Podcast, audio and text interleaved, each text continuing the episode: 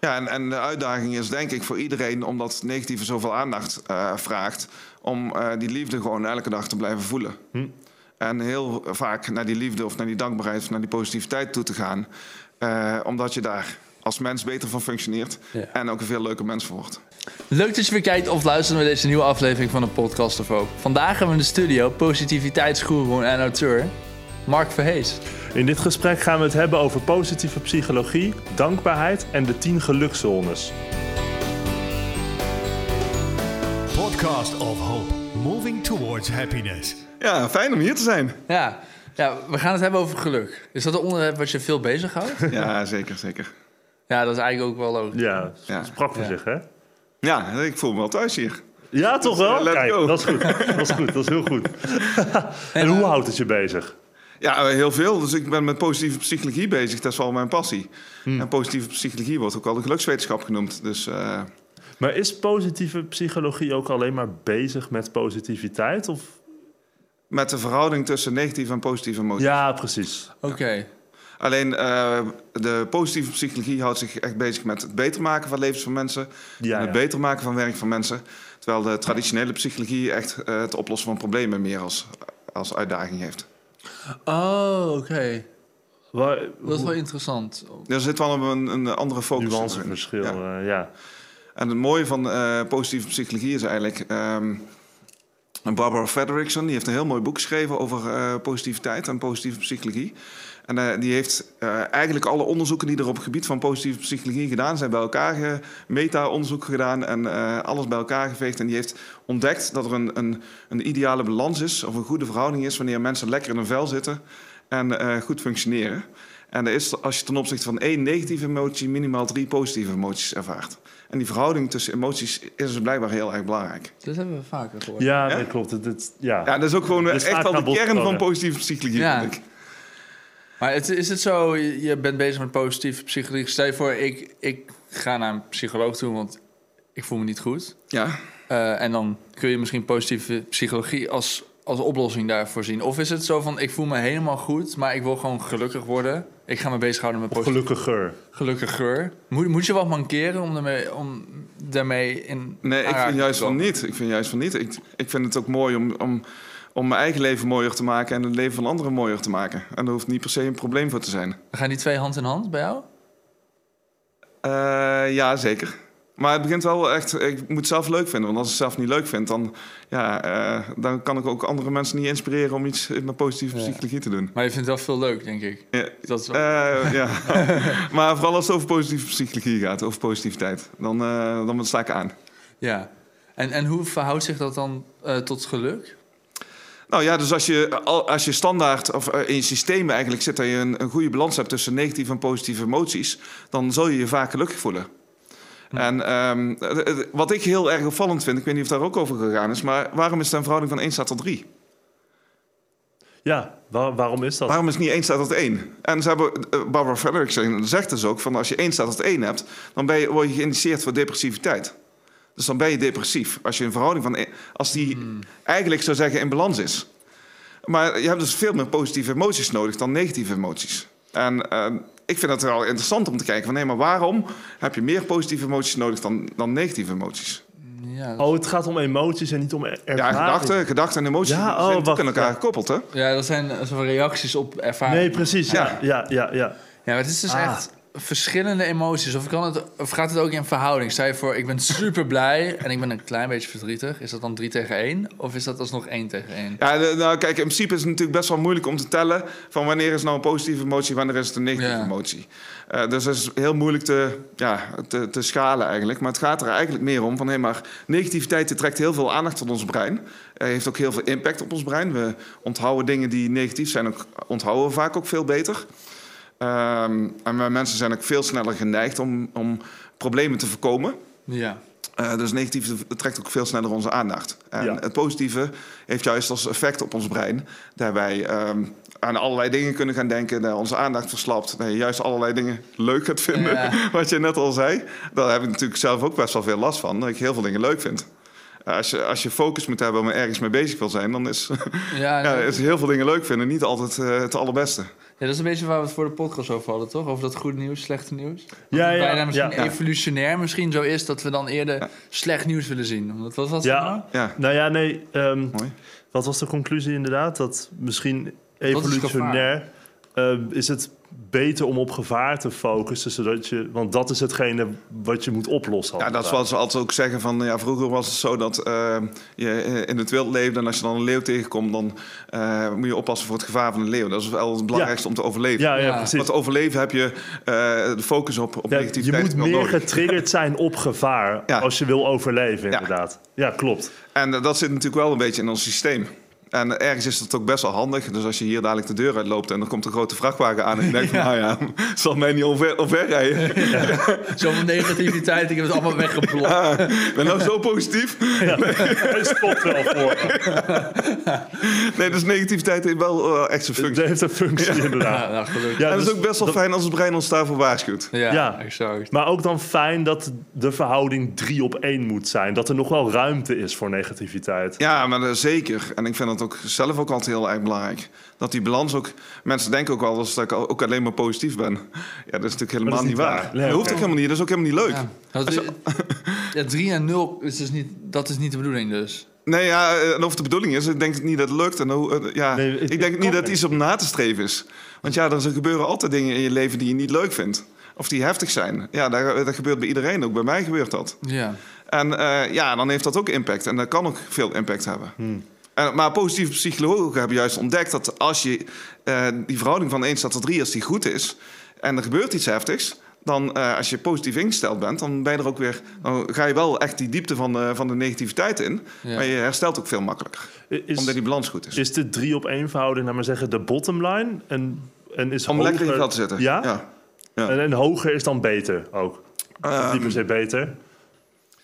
Ja, eh, ik vind het zelf wel fijn als ik, eh, als ik veel positieve emoties ervaar. Kan ik me voorstellen. En jij? Ja, ik, ik ook wel. ik ook wel, ja. Ja, dan mis je gewoon negatieve emoties en dan moet je ze gewoon even gaan opzoeken of zo.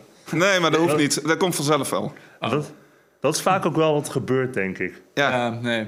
Ja, je gaat wel negatieve emoties voor jezelf verzinnen al als ze er niet zijn. Ja, en, en je, ja, de maatschappij is natuurlijk best wel gefocust op negatieve emoties en negativiteit. Ja, Dus eh, je krijgt het vanzelf wel. En los Ja. van dat er in het leven ook gewoon negatieve dingen gebeuren. En dat zijn de, de nieuwe leeuwen als het ware. Ja, Ja. ja inderdaad. Maar wel grappig, want eh, vaak als je het dan hebt over optimisme en pessimisme... en zeg maar, mensen vaak, ja, optimisme, dat is dan naïef of zo. Dat is een soort van, leef je en dan eh, zie je alles zo'n roze bril. Maar het is dus wel, het is dus helemaal niet zo heel naïef als je het in zo'n verhouding zet, toch? Het is niet dat je alleen maar positief bent en denkt van, oh, dat negatieve, dat boeit me niet. nee, eh, ik vind ook niet dat je van het negatieve weg moet lopen of dat je het moet ontkennen. Maar ik geloof er wel in dat ehm, als je heel veel positieve emoties ervaart, dat je anders naar eh, negativiteit kijkt. In het, Dus dat je daar misschien naïef van gevonden kan worden door iemand die wat negatiever ingesteld is. Oh, ja, nou, daar- is- die kans ja. is vrij groot. Maar ik wil graag Ja. naïef gezien hoor. Dus ik, ik vind het niet erg als mensen mij naïef vinden. Nee? Nee. Zo niet?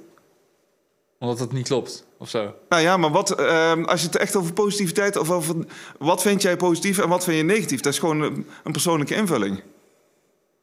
Ja, nee, dat is wel waar inderdaad. Het is, ja. Sommige mensen worden blij van, eh, van het spelen van muziek en andere mensen worden er helemaal niet blij van. ja. Dus eh, ja, en, wat, wat, wat is spelen van het afspelen of het zelf spelen van muziek? Is dat dan iets positiefs of iets negatiefs? Nee, ik denk dat het intrinsiek niet eh, negatief of positief Nee. is. Maar ik denk misschien, maar misschien zit je fout, maar dat het beter is om dat soort dingen als positief te zien. Omdat je dan misschien wat blijer het leven gaat of zo. Ja, nou kijk, op zich is het natuurlijk fijn als je eh, naar veel dingen positief kijkt. Ja. Want dan heb je meer positieve emoties. ja, en dan zitten dingen je ook niet dwars. Dan kun je gewoon zeggen van... oh, eh, dan, dan, ik, vind- ik, ik vind mu- muziek niet erg, maar ik heb er nu gewoon geen zin in. Maar als het je echt dwars zit, dan ben je er constant mee bezig. Ja, eh, ja, en dat is dus wat negativiteit ook met je brein doet. En dus inderdaad is het ook veel beter om gewoon lekker positief erover te denken. Ja, Eh, ja, en soms zullen mensen dat naïef vinden. ja boeien. Ja, ja. En wat maakt het uit wat andere mensen vinden? Maar hoe, hoe, hoe ga je dan om met die... eh, eh, hoe ga je dan om? Hoe, hoe leer je als het ware die drie, posi die, hè, die drie positieve emoties op te zoeken? Hoe leer je eh, positiever naar dingen te kijken? Ja, dat is echt één makkelijke manier. En die is ook echt wetenschappelijk bewezen. Als je, eh, jullie zijn best wel geïnteresseerd in de psychologie van de mens. eh, Nou, interessant. en de psyche van de mens. Ehm, en eigenlijk in alle onderzoeken die positieve psychologen gedaan hebben, komt één onderwerp altijd terug. En die zal ook eh, zeker in jullie podcast al vaker voor zijn gekomen. En dat is dankbaarheid. Ah, ja. Oh ja. Iets ja. echt bewezen is, eh, wat goed voor je werkt, is gewoon dankbaar zijn eh, voor alles wat goed is in je leven. En Ja. daar gewoon bewust bij stilstaan. Want wat ons brein namelijk doet, is die gaat positieve dingen eigenlijk normaal gesproken gewoon vinden. Ach, dat is toch normaal. Hè? De- de- je gaat eraan wennen. Ja. En eh, door echt elke dag bezig te zijn met waar je dankbaar voor bent, blijf je daar ook voor houden. En zorg je eigenlijk door eh, dat je het positieve gewoon heel makkelijk en heel goed blijft zien. ja. En voor mij was dat zo, ik kwam dat het, het, het dankbaarheid en het wetenschappelijke overtuigende bewijs daarin zo vaak tegen. Dat ik zelfs iets had van, ik wil in mijn eigen leven. Zo begon het bij mij eigenlijk. Ja. Ik wil in mijn eigen leven gaan toepassen. Dus bij mij was echt gewoon drie dingen benoemen voor je dankbaar bent. S'avonds aan het avondeten met mijn vrouw mee beginnen. Ah, ja, dat, dat, eh, Leo Bormans doet het ook. Ja? Ja. Ja, natuurlijk, uiteraard. Maar wat is, wat is de oplossing? Hè? Stel, eh, ik ben niet dankbaar voor wat ik heb Ja. of voor mijn situatie. Ehm, moet ik dan leren dankbaar te zijn voor de situatie? Of moet ik mijn situatie aanpassen naar iets waar ik dankbaar voor ben? Ehm, nou, in eerste instantie hoef je niet iets negatiefs positiefs te maken. Ik vind ook niet dat het per definitie hoeft. Nee. Dus als iets negatief is, dan eh, blijf er lekker negatief over denken als je dat wil. Als dat, als dat zo goed voor je voelt, dan eh, is dat prima. Maar ehm, blijf, en daar is voor positiviteit ook voor, blijf wel oog houden voor alle dingen die goed zijn. Ja. En, en probeer dat te stimuleren.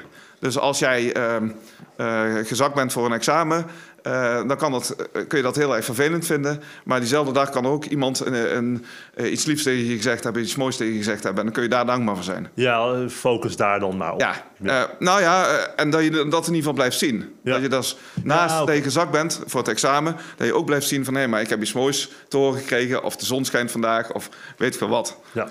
Eh, maar dat je in ieder geval de positieve dingen, de leuke dingen, gewoon in de dag gewoon goed blijft zien. En als je dat blijft trainen voor jezelf, dan heb je daar meer aandacht voor. En dan ga je onbewust ook dingen, meer positieve dingen opvallen. Oh, maar de dankbaarheid is dus wel een kwestie van trainen. Ja, 100%. Ja, oké. En dat, Dat is wel fijn om te weten eigenlijk. Ja, maar, de- ja, maar de- het, is, het leuke is, ik zeg dat ook altijd, van als je, dus, als je gelukkiger wil worden, is het recept eigenlijk heel simpel. Dat is gewoon echt gewoon regelmatig stil, elke dag stilstaan bij drie, drie dingen waarvoor je dankbaar bent en dat blijven doen. Ja, dat is de methode, als het ware. Ja, Ja. En, en dat is ook de hele eenvoudige methode, omdat het gewoon ook een hele logische, eh, een heel logisch verhaal is. Want als je ergens veel mee bezig bent, dan word je daar beter in. Bij mij was het zo, ik ging elke dag drie dingen s'avonds benoemen met mijn vrouw. En na een week eh, reed ik naar mijn werk toe en ik zag in één keer een hele mooie zonsopkomst. En ik Ja. zat er echt in de auto enorm van te genieten. En ik dacht van, hé, dat kan ik vanavond bespreken Ja, met mijn vrouw. En toen dacht ik meteen daarna van, hé, maar als ik daar niet al een week mee bezig was geweest... Had ik daar nu geen oog voor gehad en was ik daar niet zo dankbaar voor geweest nu. Dus het, het was gewoon een getraind brein. En ehm, Maar ja, ben je ook echt dankbaar voor al die dingen? Of Ja, het is zo van, ik, ik zoek nu wat om te zeggen dat ik er dankbaar voor ben, maar het is gewoon... nee, maar dus eh, als je het oefent, als je er elke dag bewust mee bezig bent, dan eh, gaat het op een gegeven moment onbewust. Ja. Dus dan wordt het heel erg makkelijk om positieve dingen te zien. Want het onderbewustzijn geeft dat aan je door van hé, maar dat is belangrijk voor je. Dat positief is belangrijk voor je, dus hier heb je het. Eigenlijk is dan drie heel weinig. Ja, maar dat wordt vanzelf meer. Ja, ik kan me nu in, Ja? in- op dit moment misschien al tien dingen... Nou, ik weet niet of... Ja, noem eens. Oh, ja. Ja, ja, nu misschien is het voor je beurt. Je- Nou, dat we water hebben. Dat ja, we oké. kunnen drinken wat we willen. Dat ik ehm, eh, met jou in gesprek ben. Dat ik Ja, nieuwe dingen leer en geïnspireerd word. Eh, Maar zelfde vraag, hè. zeg je nu maar wat omdat je het moet noemen, of is dat ook echt zo? Ja, ik, de- dat, zijn, ja, dat zijn misschien inderdaad, dat train je dan wel, maar dat zijn wel dingen waar je dankbaar voor bent. Maar misschien het niet, Realiseert? het realiseert. Ja. het zou moeten zijn, maar het niet trainen. maar dat is net als het water wat iedere dag uit je kraan komt. Ja, daar zijn niet bij stil, maar dat is wel iets om dankbaar Dat is wel iets te zijn eigenlijk. Ja. Heel dankbaar voor te zijn. Ja, ja. En dat we gewoon de kraan open kunnen zetten en daar gewoon vers drinkwater uit krijgen. Ehm, ja, er zijn heel veel mensen in de wereld die dat niet kunnen. Ja, En dat is eigenlijk iets heel erg eenvoudigs. Maar als je naar kijkt en je denkt erover na, denkt over na, waarom ben ik nou dankbaar voor de water? Dan Ja. ga je in één keer hele goede argumenten vinden. En dan je denkt van, oeh, ja, dat is eigenlijk wel fijn. Dat is super fijn. Het is niet eens dat het alleen maar van in, in de arme landen hebben ze geen water. Voor mij, als je een paar landen de grens over gaat, hebben ze al. Kun je niet, als je in Spanje kun je het Kun je water ook ook niet uit. drinken? Nee, precies. Best wel een luxe. Ja, Ja. en dat is een hele mooie dat je daar dankbaar voor bent. En dat is, kijk, maar eh, je gaat, er, ehm, je gaat het meer voelen door eh, je er ook meer vragen over te stellen waarom is dat zo. Ja, En als je echt gewoon argumenten vindt waarom dat zo is, dan heb je zoiets van, oh, ja, heerlijk. Dan geniet je ook meer van het water.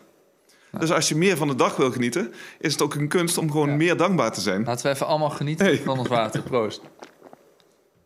Ja, het is lekker water. Oh, lekker water. Ons Gelderse water. Ja, heerlijk. toch? Maar je, je hebt vier boeken geschreven. Ja. Eh, is, is dankbaarheid een thema in al die vier boeken? Ja, zeker. Ja? Ja. Eh, is dat het enige thema? Ja, nee, nee, sowieso niet. Maar eh, kijk, op zich is het wel gewoon de essentie. Want eh, we kunnen het heel moeilijk maken. We kunnen heel veel dingen erbij zoeken. Maar het makkelijkste, dat is echt gewoon de bewezen makkelijke manier. Ja.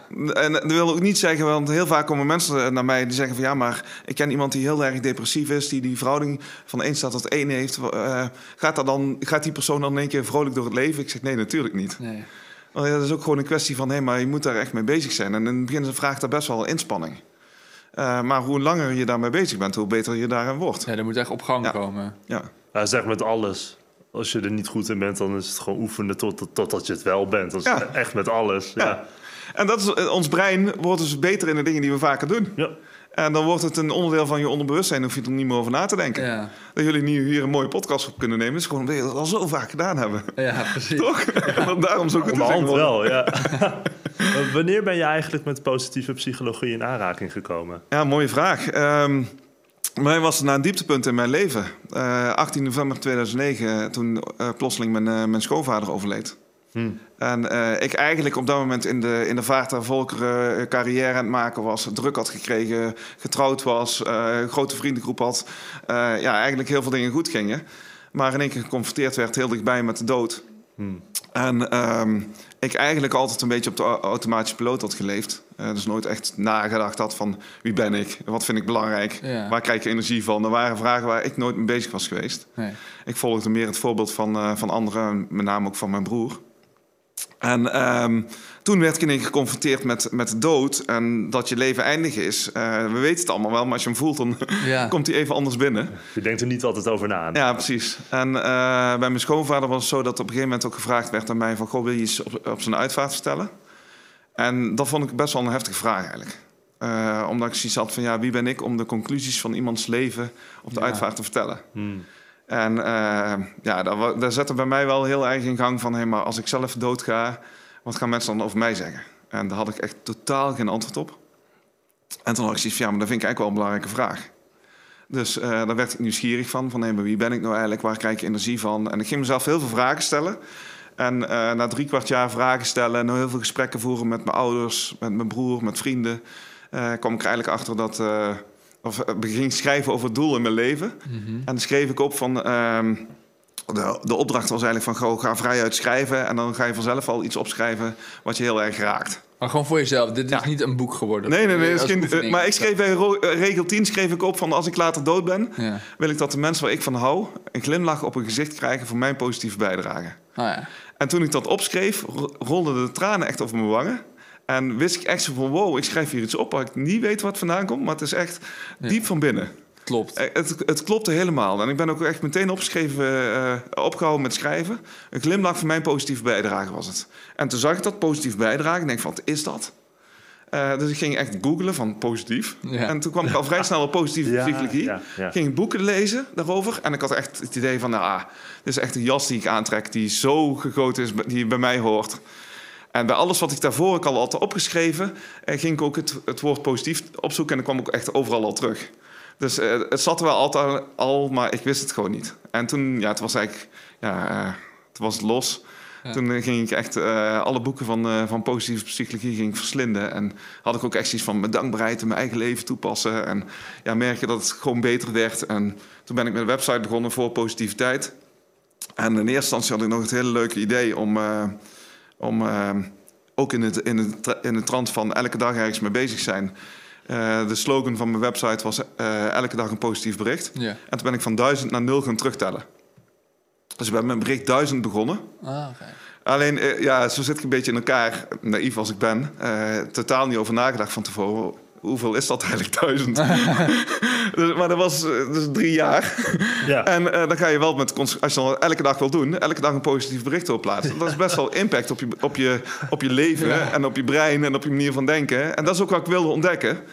Maar ja, dat heeft mijn leven ook wel op zijn kop gezet, omdat ik daardoor ook, door meer met positief bezig ben te zijn, eh, ook veel meer positieve dingen ging zien. En dat is gelukt. Ja, echt tot nul. eh, Ja, ja. Nooit een dag dat je... Nee. Even, ja, laat me zitten. Nou, wel dagen waarop het echt gewoon eh, zwaar was en moeilijk was. Eh, ik weet nog in die tijd dat ehm, mijn vrouw en ik waren bezig om kinderen te krijgen.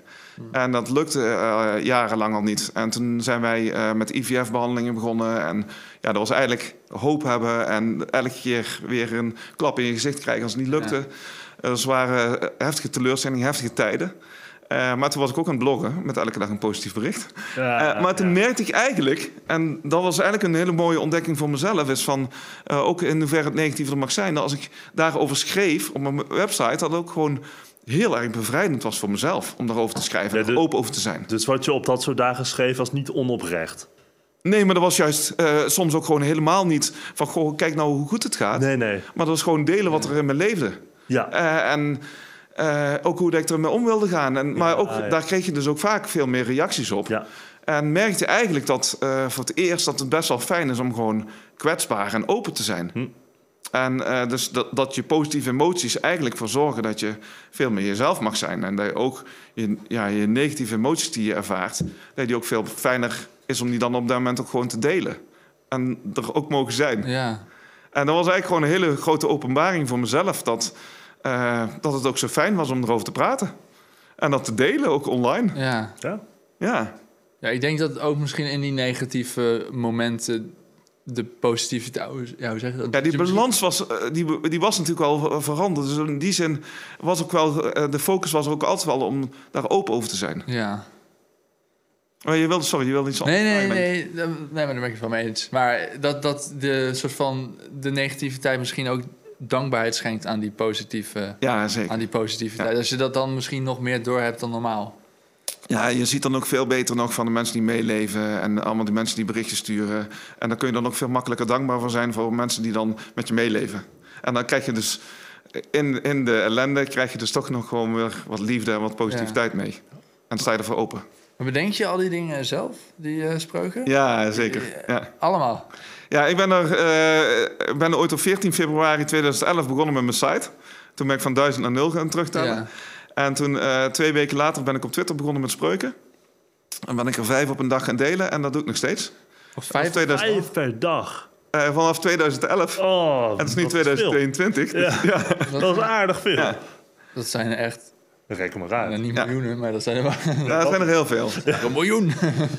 Maar eh, het leuke is, van, we zijn wel vanaf, ik ben vanaf het begin gaan bijhouden ook welke spreuken heel goed werken. eh, Oh ja. Welke populair zijn. Ja, ja, ja, ja. ja. En dus Oh ja. ben ik ook steeds beter geworden eigenlijk in de spreuken door daar veel mee bezig te zijn. En dat is ook weer eens iets van ja, oefening baat kunst. Maar jij kan die dingen gewoon... Kun jij nu gewoon een spreuk bedenken? Gewoon uit niets. Soms gebeurt dat. En maar soms hoor ik je ook dingen of dan denk ik van oh, daar wil ik eigenlijk iets. Dan, dan ga ik ergens wat langer over nadenken. En dan bedenk ik een spreuk, dan schrijf ik hem op. En soms ga ik er echt voor zitten. Wat is je meest populaire spreuk? Oh, dat is een. eh, dat zou ik eerlijk gezegd niet weten wat mijn meest populair is. Nee, ja, ik heb zelf mijn, fa- mijn eigen favoriete spreuk is alles wat Ja. je aandacht heeft groeit. Ja, Ja. ja, ja. ja. Ja. Maar die is misschien ook wel heel populair. ja, misschien wel, maar het, weet je, ehm, wat wel zo is, dat eh, spreuken vergeet je ook vaak weer. Oh, ook ik, eh, ik ben er veel mee bezig en ik vergeet ze ook vaak weer. Ja. Ja, Dus, dat ik wel. Eh, Vooral als je er zoveel eh, ja. hebt. Ja. Dus als je me vraagt van wat is het meest populaire, dan eh, ja, zou ik het exact niet weten. Nee. Ik, op een gegeven moment leer je wel veel beter van nee, maar hoe je dingen formuleert. Wat Ja. voor impact dat heeft op ehm, ja, hoe, hoe een spreuk ontvangen wordt. ja, want wat voor feedback krijg je dan van mensen hierop? Nou, je, in eerste instantie soms echt gewoon reacties. Maar ehm, eh, ik, waar ik in eerste instantie op, op Twitter bijvoorbeeld naar kijk... is van goh, hoe vaak wordt hij geretweet en hoe Oh, vaak ja. wordt hij geliked. Dat is voor mij gewoon een duidelijke indicator. Ja, een Nee, indicator. Maar bijvoorbeeld, eh, ik kwam er op een gegeven moment met, met los... Als ik spreuken deed over loslaten... kwam ik erachter dat mensen daar altijd wel weer hun eigen reacties op hadden. Van, nou, dat is makkelijk gezegd. Oh. een beetje Oh, de standaard reactie. Dus dan, op een gegeven moment ga je er wel over nadenken. Van, ja, dat is makkelijk gezegd. Eh, zo, zo wordt dat dan veel ervaren. Ik wil niet zeggen dat je dan Ja. het niet meer zegt... maar eh, Nee, precies. Maar dan word je wel bewuster van. word je bewuster van, van hoe, een spreuk, hoe een spreuk valt. Ontvangen, ja. Maar ik vind het wel grappig dat je dan die positiviteit deelt op Twitter. Terwijl ik Twitter zie als een Ja. extreem negatief platform. Het heel makkelijk is om... om Om mensen te bashen. ja, ja, om de andere... Maar het, Ik, is, het, ik is, heb bijna het gevoel dat het daar ook voor is eigenlijk. Om, het, is, het is dus wel, hoe zeg je dat? Vraag naar op Twitter. Mensen willen wel in hun feed positiviteit ontvangen. Ja, het grappige is, ik ben er gewoon ooit begonnen in de tijd... Met dat, dat je eigenlijk Facebook nog niet echt eh, actueel was. Dus het was, had je nog Ah, Twitter. Het is echt de oldschool Twitter. Dat is oldschool Twitter. Ik ben in 2011 begonnen. Ja, toen, Ja. En eh, pas volgens mij in 2012, toen kwam Facebook een beetje opzetten. Toen zijn we naar Facebook eh, overgestapt ook. Ja. Dus we doen ook Facebook en ook LinkedIn en ook Instagram. Dus ja, en ook offline platformen, toch? Scheurkalenders, eh, Ja. wat nog meer... Normale kalenders, ik weet niet allemaal. Ja, het grappige is, we zijn dus heel veel spreuken gaan delen. En ja, langzamerhand eh, is dat bereik van ons eh, geëxplodeerd. Dus we bereiken ook gewoon heel veel mensen op een dag. En eh, doordat die spreuken zo populair werden, gingen mensen vanzelf vragen van... nee, maar eh, kun je daar geen scheurkalender van maken? Ja. En ik dacht in eerste instantie nog van, nou, een scheurkalender. Dat is toch helemaal niet meer van deze tijd? we kijken Blijkbaar allemaal op ons ja. mobiel. En eh, toen hadden we zoiets van, ja, we kregen die vraag zo vaak... dat we zoiets van, nou, laten we, laten we het toch maar proberen. Ja. En eh, ja, toen hadden we ook wel zoiets van, nou, het is wel echt iets van deze tijd. Mensen vinden het echt super fijn. Ja. En dat is ook heel erg populair. Dus eh, dat doen we heel graag. En doe je dan, kies je daarvoor dan je beste 365 Ja, uit? uiteraard, ja. Ja, dus de beste spreuken komen in de scheurkalender. De beste nieuwe spreuken komen in de scheurkalender. Ah. Heb je, oh ja, nee. Ja? Nee, zeg maar. Nee, ja, dus, dus in die zin is het ook eh, eh, ja, een, ja, een, een heel fijn product. Maar we Oh, ja. versturen hem ook gewoon per mail. Dus als mensen zich eh, met de spreuk van de dag per mail willen aanmelden, kan ook. Dus dan krijg je hem gewoon in je mailbox. Ja, nee, oh, dat zijn dezelfde. Of, Ja, eh, ja of vergelijkbare. Niet, niet van dezelfde dag, maar eh, wel gewoon eh, vergelijkbaar goed. ja nou, je kan ze ook allebei doen. Dan heb je twee spreuken per dag. ja. ja, er zijn best wel veel mensen die dat allebei doen. ja. Maar kun je misschien nog een paar spreuken met ons delen? Zo uit mijn hoofd. Dat is echt gewoon een moeilijke vraag, weet je. Oh, echt? Ja. Dat hoeft niet. Maar het is wel leuk.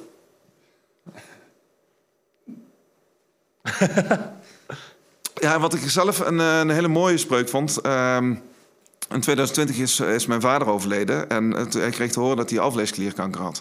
En toen hebben we voor hem hebben we een spreuk opgeschreven op, eh, eh, op een notitieboekje... wat hij elke dag zag. En dat was... eh, geluk ontstaat wanneer je loslaat wat had moeten zijn... en geniet van wat er nu is. Ja. En ik vind, dat, ik vind dat oprecht ook gewoon echt een hele mooie spreuk. Maar die was ook zo ontzettend toepasselijk voor dat moment. Ehm, want mijn pa had alvleesklierkanker en die kon zich heel erg druk maken. Uiteraard, iedereen kon zich druk maken over wat er zou gaan komen. Eh, maar eh, om een beetje focus te hebben op, eh, niet zozeer op wat had moeten zijn. Hij had nog heel lang moeten leven. Ja. Maar gewoon op van, hé, maar wat er nu is. En wat je nu met elkaar hebt. En dat maakt ook wel dat je veel meer in het moment kon zijn. En ja, met elkaar nog een mooie tijd kon hebben. ja, mooi. Dus Ja. dat is Ja. een spreuk die, eh, die mij ook persoonlijk raakt, maar die mij ook veel, voor mij ook veel betekent. Ja. dat is ook goed advies. Ja, Ja, ja, sowieso. Ja. Ja. Ja. Ja. Hey, je hebt een boek geschreven, Eenvoudig Leven. Eenvoudiger leven, ja, heel goed. Eenvoudig Leven. En eh, daar heb je het over tien gelukszones. Ja, Nou, wij denken geluk. Ja, hier willen we meer over weten. Wat zijn de tien gelukszones? nou ja, eh, het grappige was eigenlijk, ja, heel leuk hè. Ehm, eh, toen, toen ik gesproken ging delen, op een gegeven moment ga je nadenken over van, maar welke onderwerpen ben je nou tijd over aan het praten? En eh, toen ik een, boek wilde gaan schrijven over van, hé, maar eh, hoe breng je positieve psychologie eh, naar de uitdagingen die mensen elke dag hebben, ging ik nadenken over welke uitdagingen zitten er nou eigenlijk in die mensen veel tegenkomen. Dus uitdagingen zoals onzekerheid voor jezelf, weinig zelfvertrouwen hebben, eh, uitdagingen zoals je zorgen maken, stress, eh, afleiding, dus de hele dag eh, afgeleid worden. ja. Ehm, omgaan met tegenslag, eh, ongeduld, dat soort uitdagingen. Eh, daar had ik zoiets van, nee, maar wacht, ik vind het leuk om daar gewoon eh hoofdstukken aan te wijden. En toen kwam ik ook eindelijk achter, bijvoorbeeld als je het thema ongeduld hebt. Ik ben een heel ongeduldig persoon. Tenminste, dat zeg ik vaak. Ehm, dus ik ging schrijven over het thema ongeduld. En ik kon zo heel veel verhalen schrijven over wanneer ik allemaal ongeduldig was. Ja. En dat is heel gênant, maar ik vond het wel heel grappig om op te, op, om op te schrijven. Ehm, en toen dacht ik bij mezelf op een gegeven moment van... is het nou echt zo erg? ben ik nou echt zo ongeduldig door zoveel verhalen op te schrijven? En toen dacht ik van, kan ik nou echt nooit geduldig zijn? En eh, toen kwam ik er in één keer achter van... nee, maar ik kan ook best geduldig zijn. Ik heb notabene zelf ooit een blog begonnen met duizend dagen... elke dag een positief bericht... om te kijken wat er na drie jaar gebeurt. Ja. met elke dag een positief bericht. En dat heeft mijn leven op zijn kop gezet. En Ja. ik realiseerde me in één keer van... nee, maar als ik ergens heel geduldig mee bezig ben... en heel veel vanuit vertrouwen ergens mee bezig ben... dat heeft het meeste effect op mij. De dankbaarheid elke dag mee bezig zijn... dat heeft mijn leven veranderd. Eh, dus juist, ik kan dus echt ook heel geduldig zijn. Ja. Ik van, hé, hey, ongeduld, geduld, ik heb het allebei. Dat is gewoon al een fijne bewustwording. Ja. En, en soms is het gewoon heel erg fijn. ehm, voor heel veel mensen die heel ongeduldig zijn, is de gelukzone dan van hé, maar om gewoon te realiseren dat je af en toe geduldig kunt zijn en dat je daar ook zelf stappen in kunt zetten om naar dat geduldig zijn toe te gaan. En over na te denken van hé, maar wat moet ik nou doen om wat geduldiger te zijn? Dus die gelukzone is een soort van die gulden middenweg. Ja, eh, eh, gulden middenweg, maar ook realiseren dat er, dat er tegenstrijdigheden in zitten. Je kunt eh, stress en relaxedheid, eh, iedereen kent het allebei. Ja. Eh, toen ik een hoofdstuk over stress aan het schrijven was, toen, zei, toen had ik echt zoiets van, ja, waar moet ik nou over schrijven? Ik heb nooit stress. Dus ik ging naar mijn vrouw echt gewoon, ik liep naar boven. Ik zeg van, eh, volgens mij ben ik het kwijt. Ik ben de stress kwijt. En mijn vrouw zei, nou. Oh ja, ze kon wel wat oproepen. en toen had ik zoiets van, ik raakte er meteen heel erg stress van, van die dingen die ze opnoemde. Maar het grappige is eigenlijk van, hé, maar stress is niet altijd je gelukzone. En relaxedheid is wel als antwoord op stress, is wel je gelukzone. Ja, dus, het is dus je bent gestrest en je moet dus inzien, omdat ik, er, er is dus nog de rust. Ja, en, Ja. maar het, het realiseren dat je eigenlijk een schuifje hebt waarmee je van, van, van, eh, van, van stress naar, naar rust kunt gaan, naar innerlijke rust kunt gaan, dat je dat in jezelf kunt opzoeken, daar zit je gelukzone. Ja, maar soms wel moeilijk om dat schuifje te plaatsen. Ja, maar dat is juist de uitdaging om jezelf, eh, jezelf daarin te trainen. Dat is wel iets wat iedereen kan. Ja, maar dat is, eh, ja, ik geloof wel dat alles wat we willen kunnen, dat we dat ook kunnen leren. Ja. Eh, dus eh, daarom zei ik net al van, ik ben ongeduldig. Ik, ik begon al meteen te twijfelen toen ik het zei, want ik ben niet ongeduldig. Nee. Want als ik mezelf ongeduldig noem, dan doe ik mezelf tekort. Want ik kan ook geduldig zijn. Ja, En als ik mezelf een geduldig persoon ga noemen, dan ga ik sowieso al vaker geduldig zijn. Ja, ja. Dus ik wil mezelf ook niet te veel tekort doen daarin. En, Wat je eh, aandacht geeft, dat groeit. Dat Ja, Ja. maar eh, ook merk je, ik, ehm, mij leeft het heel erg veel op als ik heel geduldig ben. Daar word ik heel Ja. rustig van en Hmm. heb ik heel veel vertrouwen. En dan denk ik van nee, maar wacht eens even, als ik hier gewoon echt gedegen mee bezig blijf, dan komt het vanzelf wel goed. Ja, en dan Ja. voel ik me heel erg lekker. Nou, je, je hebt het nu over dus geduld en ongeduld. Maar eh, bijvoorbeeld in de deugdethiek kun je ook doorschieten met bijvoorbeeld geduld. Ja, dat is dan waarschijnlijk Ja. geen deugd. Maar goed, dan kun je ook doorschieten en dan ben je te geduldig. En dan moet je Ja. dus daar een soort van tussenin zitten. Zo ontspannen. Ja, nee, maar Ja. dat het Ja, op een gegeven moment niet, niet meer goed is. Ja. Uh, Dus je moet wel... Is, is, is dat ook mogelijk? Dus Dus je- bijvoorbeeld iemand die Ja, tuurlijk. alles blijft uitstellen misschien. Dat is iemand die te geduldig is. Ja, maar als je altijd alleen maar, als je altijd alleen maar vakantie hebt, dat is helemaal niet leuk. Op een gegeven moment, ja, Nee, precies. Dat, ja. Voor mensen die heel gestrest zijn en altijd heel hard werken, is het misschien wel heel fijn om vakantie te hebben. Maar als je daar jarenlang alleen maar niks, te niks hoeft te doen, ja, op een gegeven moment ben je er helemaal klaar mee. Zo'n Dan weet je vakantie gewoon- is ook alleen leuk omdat je zo hard hebt moeten Ja. werken. ja. En, en juist te zien van hé, maar eh, dat die balans ook gewoon heel erg belangrijk is. Dus het is helemaal niet erg om stress te hebben, maar het is wel goed om, om een goede balans te bewaken. Ja, dus die gelukzone waar je dat schuifje naartoe schuift, die zit niet in de uiterste. Je kan het schuifje ook te ver schuiven. Dat denk ik wel, ja. Ja, Dus als je altijd alleen maar relaxed bent, dan, dan wordt die relaxedheid heel irritant. ja. Voor jezelf ook. ja dat ja, ben ik mee eens. En eh, met geduld is dat ook zo. Soms heeft ongeduld echt wel zijn, zijn voordelen. Ja, en het zijn tien gelukzones. Heb je dan bepaald van dit zijn dus de tien... Ja, hoe noem je dat? Er zijn, er zijn tien... De stress is de Tien één, schuifjes. geduld... Ja, tien schuifjes die ik wel... eh, ja. Ja. Maar, de- maar ja, goed, eh, ik had er ook 12, 12 kunnen noemen hoor. Maar er waren gewoon Oh, tien. Ja. Jij hebt er al, bent er op tien gekomen, maar als ik het... Nee, maar ik had gewoon gekeken van nou, wat zijn nou de belangrijke uitdagingen waar Ja. mensen mee te maken hebben. Tien En belangrijkste Ja. misschien. Ja. Honger. ja, ik vond het de belangrijkste omdat die herkenbaar waren. Ja. ja. En het bijzondere was eigenlijk, eh, toen ik het boek schreef, had, eh, hoofdstuk 9 was ehm, eh, we gingen over geduld en ongeduld. En na hoofdstuk 9 schreef ik op van nou, ehm, ik vind het eigenlijk zo fijn om te schrijven. Ik wacht nog even met hoofdstuk 10. Eh, ik ga even kijken wat er gebeurt. En ik, ik had het opgeschreven en in die tijd werd mijn moeder dus ziek. Ah. En dan kwam mijn hele leven op zijn kop te staan. En daardoor heeft mijn laatste hoofdstuk eh, van Eenvoudige Leven... had ook een heel andere impact nog gekregen. Want ik wilde eigenlijk naar een heel vrolijk en heel Ja. happy end eh toewerken. Een heel energiek end. Maar in één keer ja, overleed mijn moeder. Ja. En, ehm, maar dat was eigenlijk ook heel passend. Omdat ehm, ja, de ultieme gelukzone zit echt gewoon voor iedereen in liefde. En ehm, ja, als ik het over liefde heb, heb ik het over mijn moeder... en de onvoorwaardelijke liefde die ze me altijd gegeven heeft. Dus ik kom ik echt heel erg bij mijn eigen kern uit. Ja. En, en, en ik geloof wel dat die, die kern van liefde, als je die in jezelf vindt... dat ook wel de ultieme gelukzone is. Dus Ja. ja, De, de ultieme... Ja. Ultieme gelukzone, ja. En, en de onvoorwaardelijke liefde is daar echt wel... Ja, als je dat hebt mogen leren kennen... is dat wel echt gewoon een van de grootste geschenken die, je- die je mag ontdekken, denk ik. De, plek waar alle gelukzones samenkomen. misschien. Ja. Dat is liefde. Alle schuifjes naartoe. eh. Ja, maar ook gewoon liefde is, is, is ook de moeder van alle positieve emoties, zeggen ze wel eens. Ja. En ehm, ja, ik denk ook wel dat eh, alles... eh, mijn, mijn site had ook gewoon voor liefde kunnen, kunnen heten. Ja. En eh, ik denk als we eh, veel meer dingen vanuit liefde doen... eh, we ook een heel andere wereld hebben. Ja, mooi. Ja, dat denk ik ook wel. Ja. Maar niet, niet vanuit, de- voor mij niet vanuit de, de gedachte dat je dan nooit meer haat of nooit meer oorlog hebt. Ik geloof niet dat we daaraan ontkomen. Nee, dat, En dat het ook gewoon ehm, in ieder mens zit. Dus als ik naar mezelf kijk, ik ben heel positief, maar ik kan ook echt vreselijk irritant zijn. En ik kan ook heel negatief zijn. En ik heb Ah, ja. echt Ik kan me negatieve eigenschappen. voorstellen om eerlijk te zijn, maar Ja, dit- Hoezo niet? nee, ik komt heel positief over. Ja, maar ik ben ook wel positief. Nu ben ik sowieso positief, maar dat wil niet zeggen dat ik altijd positief ben. Maar jij hebt ook negatieve eigenschappen. Nou, Nou, nou, laten we daar eens over gaan hebben. Zou je er een paar kunnen noemen van jezelf?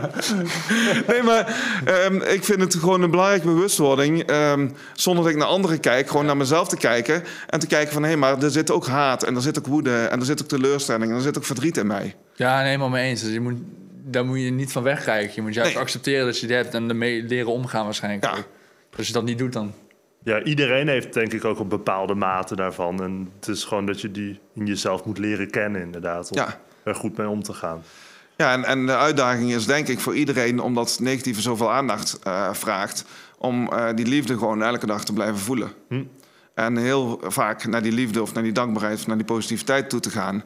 Eh, omdat je daar als mens beter van functioneert... Ja. en ook een veel leuker mens voor wordt. En dat is altijd mogelijk. Je kan altijd overal die liefde in vinden. Ehm, als je op zoek gaat, wel. Ja, dus het, ja. Ja, dus ik geloof heel erg dat je dat altijd kunt vinden. En dat heeft met, ehm met cirkel van invloed te maken en cirkel van betrokkenheid te maken. Toen mijn moeder, mijn moeder is overleden in de eerste golf van corona. Ze had eh botkanker, ziekte van Kaler. Ze werd heel erg ziek. Ze woonde in Brabant. Eh, ze was zwak eh, door alle behandeling die ze had, chemobehandeling die ze had gekregen. En zij was in de eerste golf was zij een van de eerste patiënten. Zij kwam in het ziekenhuis te liggen en we wisten al meteen, dit is geen goed nieuws. Nee. We hadden al meteen zoiets van, nou weet je, dan gaat ze, dan gaat ze waarschijnlijk niet redden. Maar we zaten in de fase dat ehm, we er niet bij mochten. Ah. Oh ja. Het ziekenhuis waren afgesloten. Oh ja. En ehm, we zaten in de fase dat we ook eigenlijk geen contact met haar konden hebben. En dan zit je van, ja, waar vind je de liefde?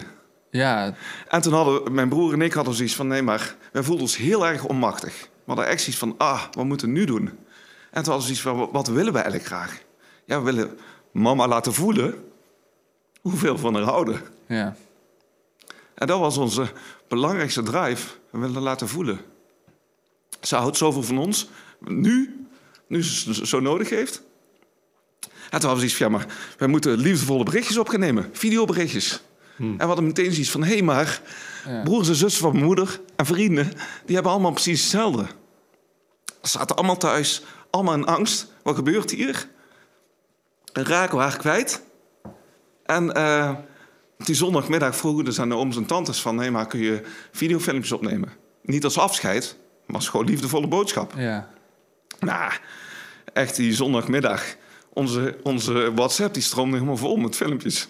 Ja. En dat was zo mooi. En die filmpjes hebben we gecompileerd. Later, met mijn pa, die, ging, die mocht er nog wel drie kwartier naartoe naar mijn moeder. Die heeft eh, de filmpjes laten zien. ja. En mijn moeder heeft in het ziekenhuis met haar mond, met haar masker op, heeft ze een berichtje ingesproken voor iedereen die een filmpje had gemaakt. Ja. En er was een liefdeslijn gelegd. En die liefde die, die stroomde in de meest onmogelijke situatie die je maar voor kunt stellen, denk ik. Als je hem gaat zoeken, dan kun je hem altijd vinden. En dat, dat ook, mijn ouders zijn er nu allebei niet meer. Maar ik kan heel veel in liefde aan ze denken. En die liefde die zij voor mij gevoeld hebben, kan ik ieder moment voelen. En voor mij was dat met name toen mijn moeder net was overleden... had ik echt het gevoel van, hé, maar ik hoef er nooit zo bang voor te zijn. Want eh, mijn moeder is nog steeds volledig in mij aanwezig. Eh, in, in mijn gedachten als ik wil. En eh, alles wat ze voor me betekend heeft. Ja, ik kan het zo oproepen. Ik ben er niet kwijt. Ja. En ik voelde me echt op een roze wolk. En ik voelde alleen maar liefde eigenlijk. En dat is zo bijzonder dat eigenlijk in zo'n heftige, ellendige situatie... eh, je de liefde kunt voelen. En als je daar mee bezig gaat en echt gewoon bezig bent van... hé, maar wat kun je nog wel doen eh, vanuit liefde... dan kun je altijd een antwoord vinden.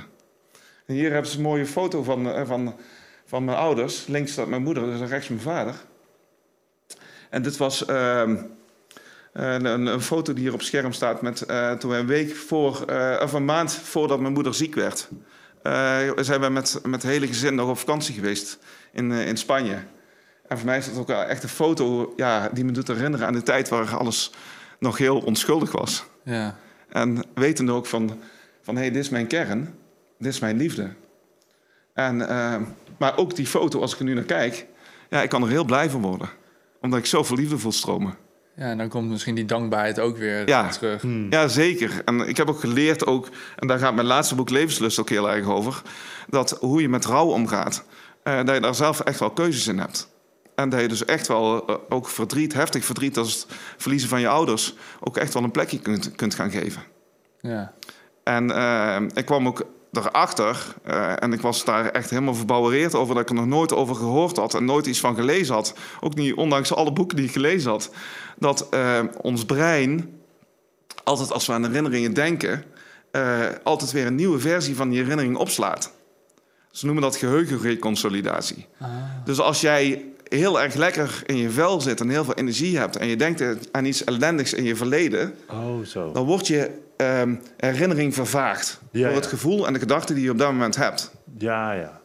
En in die zin, als je weet dat je altijd een stukje code toevoegt aan je herinnering, als je daar dus een positieve boodschap, positieve gedachten en positieve emoties aan toe gaat voegen, dan wordt je herinnering dus anders. Ja. Je herinnering krijgt een andere lading.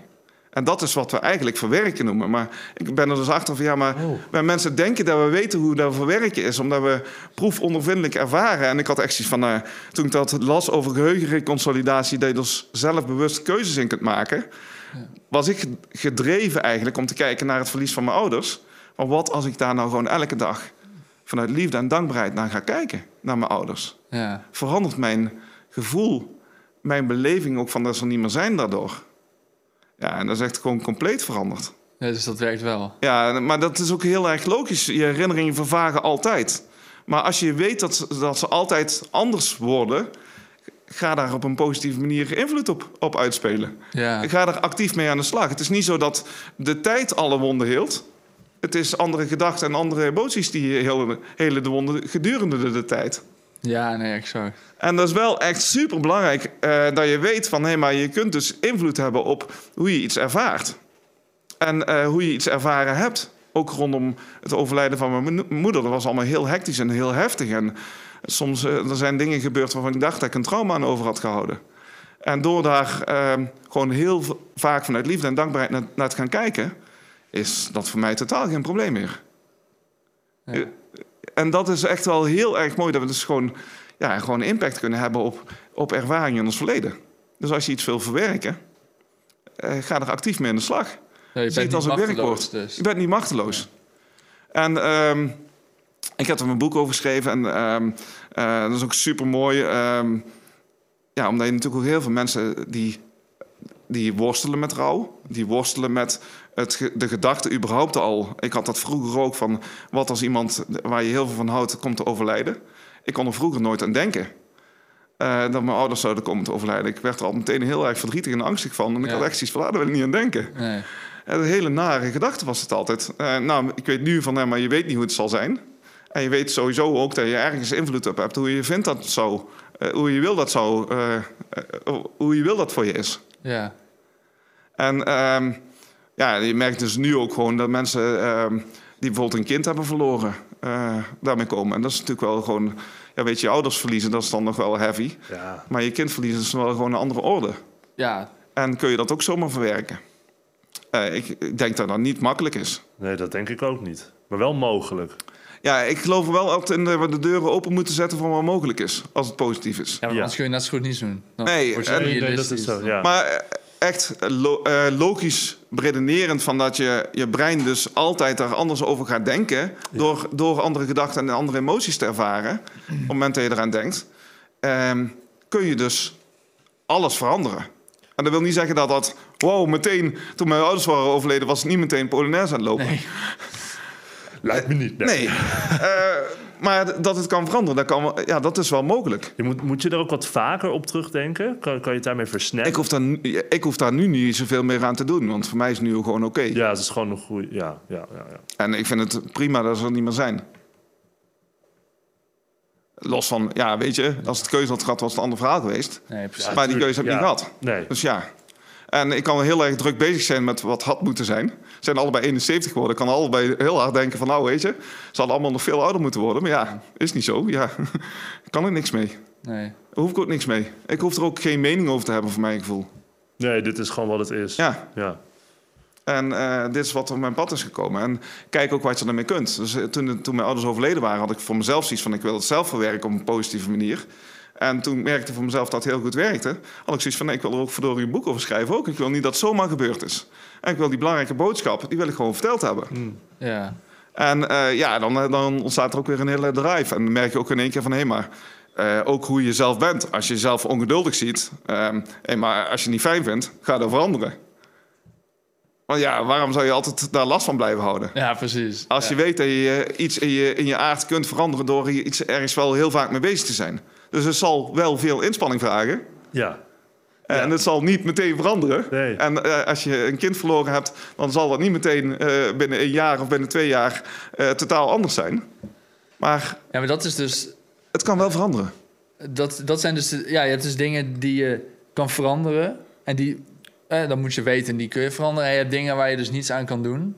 En daar moet je je gewoon bij neerleggen. En misschien moet je dus ook weten... Hier kan ik wat aan veranderen. En hier moet, Ja, dat is heel hier, belangrijk om Hier moet ik me gewoon bij neerleggen. Intuïtie. Het is heel belangrijk om te zien wat feiten zijn Ja, en wat gedachten en emoties zijn. ja. En ehm, als je kijkt naar de feiten, ja, als ik naar mijn ouders kijk, feit is dat ze het niet meer zijn. Ja, maar het is wel, het is wel nou, ik weet niet of dat grappig is, maar het is wel, eh, je hebt wel heel vaak dat mensen zich dan druk maken over de dingen die ze niet kunnen veranderen. En eigenlijk zich neerleggen bij de dingen waar ze eigenlijk wel wat aan kunnen doen. Ja. Eigenlijk is het precies andersom. Interessant, hè? Ja. ja, enige vorm van ironie zit daar wel in, ja. Maar, maar dat is ook wel weer heel erg leuk als je, als je kijkt wat we kunnen veranderen... en je alleen daarmee bezig bent. Wow, dan ligt de wereld aan je voeten. Ja, Ja. En dat is echt zo ontzettend gaaf. Dus als je weet dat je gewoon eh, je eigen leven leuker kunt maken... Ja, dat is top. hey, we zitten een beetje aan de tijd. Ja? Ik wil het nog even. eh, Ja, eh, is dit jouw voorwerp wat je mee hebt genomen? Ja. Want we vragen onze gasten een voorwerp mee te nemen waar ze gelukkig van worden of inspiratie te halen. Ik dacht, daar wou ik nog heel even over hebben gehad. Wat heb je meegenomen? Ja, ik heb een dankbaarheidsdagboek meegenomen. En ik geloof er heel erg in dat het heel belangrijk is om, eh, om er elke dag bij stil te staan. Ja. En welke vorm van inspiratie je er ook... eh, Je kunt er gewoon een, een notitie- notitieboekje daarbij gebruiken. Je kunt daar echt een boekje bij gebruiken... wat als een agenda is waar je datum op schrijft... en gewoon elke dag ge- gemotiveerd wordt om drie dingen te... Maar als je het hebt over gelukkig, gelukkig worden en een geluksvoorwerp... Was, ja, ik hoef er niet lang over na te denken. Het is voor mij een dankbaarheidsdagboek. Waar ik dat ook zijn zelf die elke drie dag in schrijf. die je elke Ja. dag schrijft. oh ja. Dus je mag, een van jullie mag hem hebben. Oh, echt? Wie, wie het hardst, eh, Wil, het hardst geluk nodig heeft. Nee, wil je hem zelf niet houden? nee maar hij is blanco. Oh, je- Oh. Nee, ik geef... Ja, eh, Je dacht al. nee, maar weet je, dat vind ik ook het mooie. Is, ehm, je doet het voor jezelf. Ja. En ehm, dat vind ik ook het mooie van een notitieboek. Ik geloof ook echt dat geluk in jezelf zit. Want mensen kunnen wel denken van... nou, Mark weet alle antwoorden. Dat is helemaal niet waar. Ja. Eh, geluk zit in jezelf. En je moet hem ook echt in jezelf zoeken en niet in mij. Ja, mooi. En eh, dat is het mooie is van als je dus elke dag bewust stilstaat waar je zelf dankbaar voor bent, wat je zelf mooi vindt. eh hey, Nou, dat is het geluksvoorwerp. Allereerst ben ik dankbaar dat we dit krijgen. dus Heel we- goed. we- Eens om op te schrijven. Eens om op te Ja? schrijven. Ja. Ja, misschien moet ik, een van jullie, moet ik er nog eentje voor jullie sturen dat jullie er allebei eentje hebben. Dan, Ja, eh, als je hem gaat gebruiken, ga je hem gebruiken? Nou, ik, ga, ik ga wel mijn best doen. Ik ga, ik, ik ga, ik ga hem gebruiken. Je best doen. Wat? je kunt jezelf veranderen, hè? Ja, dus dan, ja maar ik ben Je bent echt het allerbest, hè? Nee, maar, ja, nee, maar dat is... Dus Zijn best is elke dag zes dingen opschrijven. Gewoon Ja. twee Ja. boeken. Nee. Nee, maar ik zou, ga er wel aan beginnen. Ah, mooi. Nice, nice. Nou, dan ga je hem gebruiken. En op een gegeven moment ben je zo enthousiast. En dan eh, ga je het wel verspreiden in, eh, in je omgeving. Dus, ja, dan ga ik ook gewoon iedereen eh, spreuken sturen iedere dag en zo. Ja, wat je wil. Maar het mooie is van positiviteit moet gedeeld worden. Het mag ook gedeeld worden. Hè? Dus eh, Ja, zeker. zeker. let's do it. Ja, nou, heel erg bedankt dat je langs bent gekomen. Ja, inderdaad. Ja? ik vond het, Dankjewel. eh, ja, ik vond het heel, heel, heel inspirerend. Ah, heel graag gedaan. Ik vond het heel fijn om hier te zijn. Dus ik vind het heel fijn om hier te zijn. Dankjewel. En nu moet je weg. Ja, wow. hey, het was dankjewel, dankjewel. Bedankt voor het kijken of luisteren naar deze aflevering van de Podcast of Hoop. We hopen dat je ervan hebt genoten of misschien wel geïnspireerd door bent geraakt. Iedere zondag om 10 uur komt er een nieuwe aflevering online op YouTube, Spotify en op al je andere favoriete podcast-apps. Ook kun je ons vinden op www.podcastofhoop.nl. Tot ziens en veel geluk. De wereld waarin we leven biedt nog geen gelijke kansen. Voldoende eten en drinken. Een adequate opleiding. Goede gezondheidszorg. Vrede en geluk is niet voor iedereen weggelegd. Maar stap voor stap wordt het beter. En zijn we op weg naar een octopische samenleving waarin iedereen zijn of haar leven als goed kan beschouwen. Het is een lange reis, maar we zijn op weg. Podcast of Hope. Moving towards happiness.